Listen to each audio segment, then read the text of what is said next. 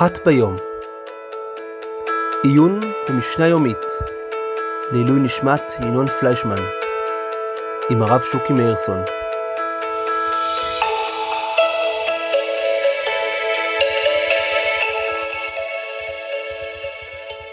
שלום רב, אתם מאזינים לפודקאסט אחת ביום, עיון יומי במשנה מבית ישיבת תקוע לעילוי נשמת ינון פליישמן.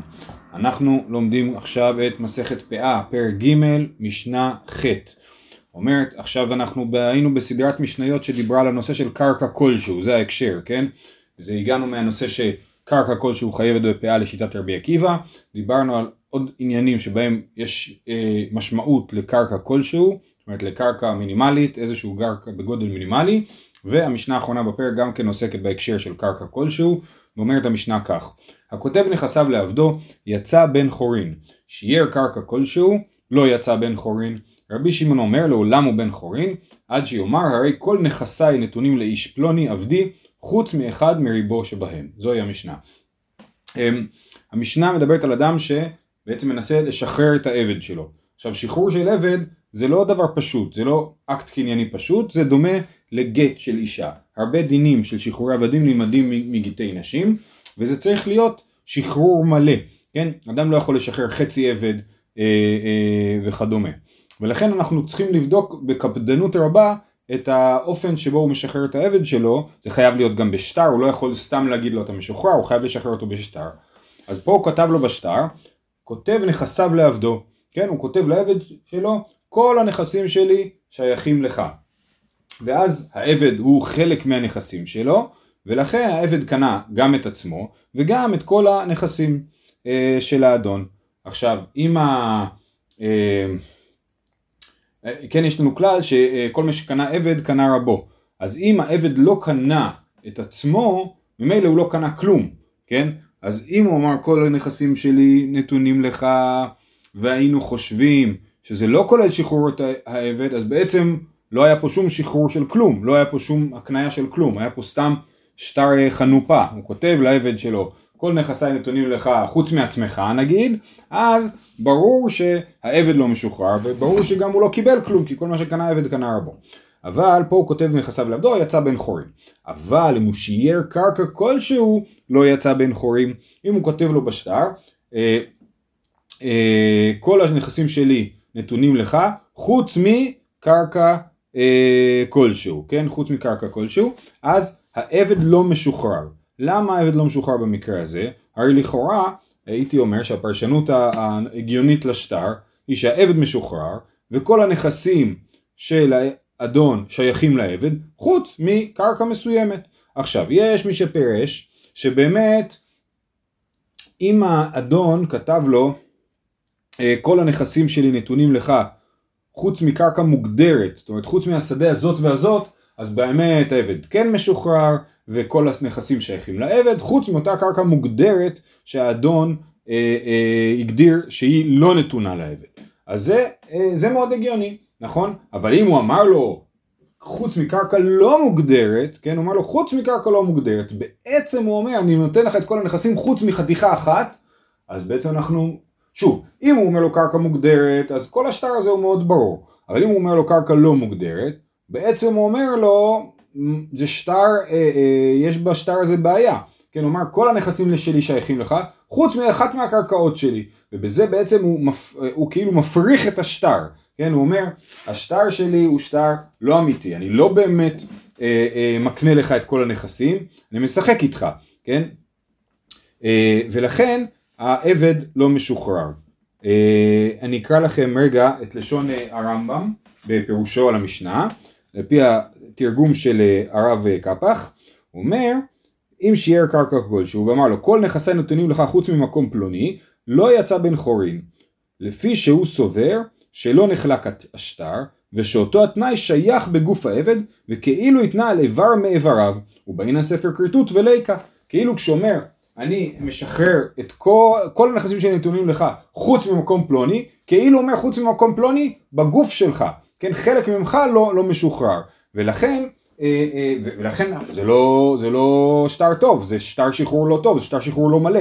אמרנו שאדם צריך לשחרר את העבד שלו לחלוטין, כמו שאדם מגרש אישה הוא צריך לגרש אותה לחלוטין, כן? אז לכן הכותב נכסיו לעבדו יצא בן חורין, שיער קרקע כלשהו לא יצא בן חורין בגלל שהעבד, השטר לא משחרר אותו לחלוטין. רבי שמעון אומר, לעולם הוא בן חורין. עד שיאמר, אה, כן, רבי שמעון חולק ואומר גם במקרה שהוא שיער קרקע כלשהו, העבד הוא בן חורין. כי מה אנחנו נאמר?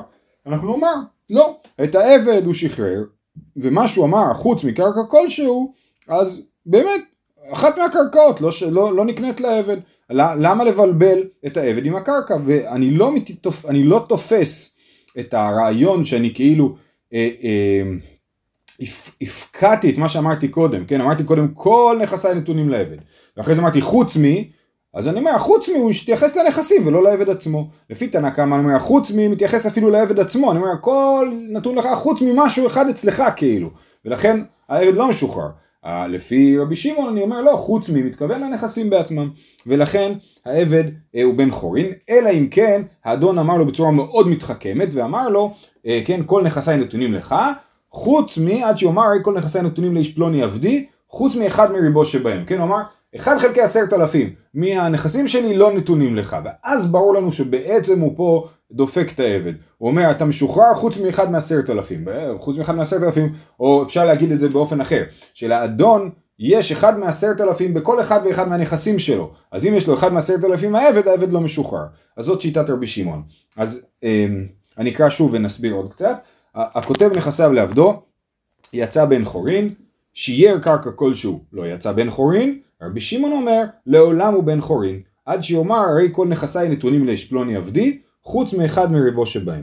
אה, אני רוצה להרחיב פה איזושהי נקודה, כן, רבי שמעון אומר לעולם הוא בן חורין. כשרבי שמעון אומר לעולם הוא בן חורין, אנחנו מבין שהוא בא, הוא בא לרבות משהו, הוא בא להגיד, בכל מקרה הוא בן חורין, ואנחנו מנסים להבין מה הוא בא לרבות. ופה הפרשנים דיברו על, על אה, מצב שיש לאדם רק שתי נכסים, הוא, יש לו את ה...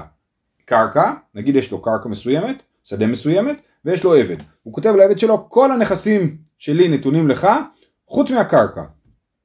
עכשיו זה שטר משונה. מצד אחד אנחנו אומרים, הוא שחרר את העבד, כן? כי מה שהוא אמר, הוא אמר חוץ מהקרקע. מצד שני, יש לי פה בעיה, כי הקרקע לא תהיה שייכת לעבד. אז באיזה מובן כל הנכסים נתונים לך? אז ובזה אנחנו גם בזה, תנא קמא ורבי שמעון נחלקו. תנא קמא אומר, כל הנכסים נתונים לך חוץ מהקרקע, אז השטר הזה הוא מופרך בעצמו, כן? הרי אה, אה, אה, ברגע שאני אומר חוץ מהקרקע, אז בעצם הנכסים לא נתונים לעבד, אז רק העבד נתון לעבד, אז אנחנו אומרים שהשטר הזה בטל, כן? ורבי שמעון אומר לא, אנחנו, נפ... אנחנו נעשה מה שנקרא פלגינן דיבורה. פלגינן דיבורה זאת אומרת אנחנו נתייחס לכל חלק של השטר בפני עצמו. החלק הראשון של השטר שבו אומר כל נכסיי נתונים לעבד, הוא הגיוני, ולכן אני משחרר את העבד. אחרי זה אני מסתכל על החלק השני של השטר ואני אומר רגע רגע, הוא אמר חוץ מהשדה, אז השדה לא נתונה לעבד. אז אמנם אם אני אחבר ביחד את השטר, אז יצא פה תוצאה לא הגיונית. שאני אמרתי שכל נכסיי נתונים לעבד, אבל באמת שום דבר לא נתון לעבד. אבל אני יכול לפצל את השטר לשתיים, וזה נקרא פלגינן דיבורה. לקחת את המשפט שבן אדם אומר, לחלק אותו באמצע ולהתייחס לכל חלק בנפרד, כן? אה, דוגמה לפלגינן דיבורה זה שאדם שאומר, אה, אה, אני יודע מה, אני ופלוני, אני ועוד מישהו רצחנו בן אדם, כן? אז אני לא יכול להאמין לו לגבי מה שהוא אומר על עצמו, כי אין אדם משים עצמו רשע, זה כן ההבדל בין החוק, החוק הישראלי לחוק ההלכה, כן? בחוק הישראלי ובהרבה חוקים, איך אומרים, ההודעה נקראת אה, אה, אם כל הראיות. אז בחוק, בהלכה, ההודעה היא חסרת משמעות, בתחום של דיני נפשות בוודאי, ובדין הפלילי, ההודעה היא חסרת משמעות. אז אדם שאמר אני ופלוני הרגנו את הנפש, אז אנחנו עושים, אם אנחנו אומרים פלגינן דיבורה, אנחנו אומרים אתה פסול לעצמך, אבל אתה כשר על פלוני, כן? ואם אנחנו אומרים שלא פלגינן דיבורה, אנחנו אומרים כיוון שאתה פסול לעצמך, אתה פסול גם על פלוני. אז, אז, אה, אז פה זה גם בעצם שאלה דומה, האם פלגינן דיבור או לא פלגינן דיבור. שוב, אני מדבר על מקרה שבו יש רק עבד אחד וקרקע אחת. אני אומר לעבד, כל נכסיי נתונים לך חוץ מהקרקע, אז, אז תנא קמא אומר, אני לא מפלג את הדיבורה, אני מתייחס לזה כמשפט אחד, ואני רואה שהתוצאה היא לא הגיונית. אני מבין שיש פה כוונה אה, לא רצינית, והבן אדם סתם צוחק על העבד שלו, והוא לא מתכוון לשום דבר. אבל רבי שמעון אומר פלגינן דיבורה, אני מתייחס לכל חלק של המשפט בפני עצמו, כל נכסיי נתונים לך, אז העבד משתחרר, חוץ מהקרקע, אה, אז הקרקע לא שלו. ואז בעצם אה, בפלגינן דיבורה אני כן מצליח ליצור היגיון פנימי לכל חלק של המשפט. אה, אז אה, לסיכום, אנחנו נקרא את המשנה הפעם האחרונה. הכותב נכסיו לעבדו יצא בן חורין, שיער קרקע כלשהו לא יצא בן חורין. רבי שמעון אומר, לעולם הוא בן חורין, עד שיאמר הרי כל נכסיי נתונים לאיש פלוני עבדי, חוץ מאחד מריבו שבהם. שיהיה לכולם, בזה סיימנו את פרק ג', שיהיה לכולם המשך יום נעים.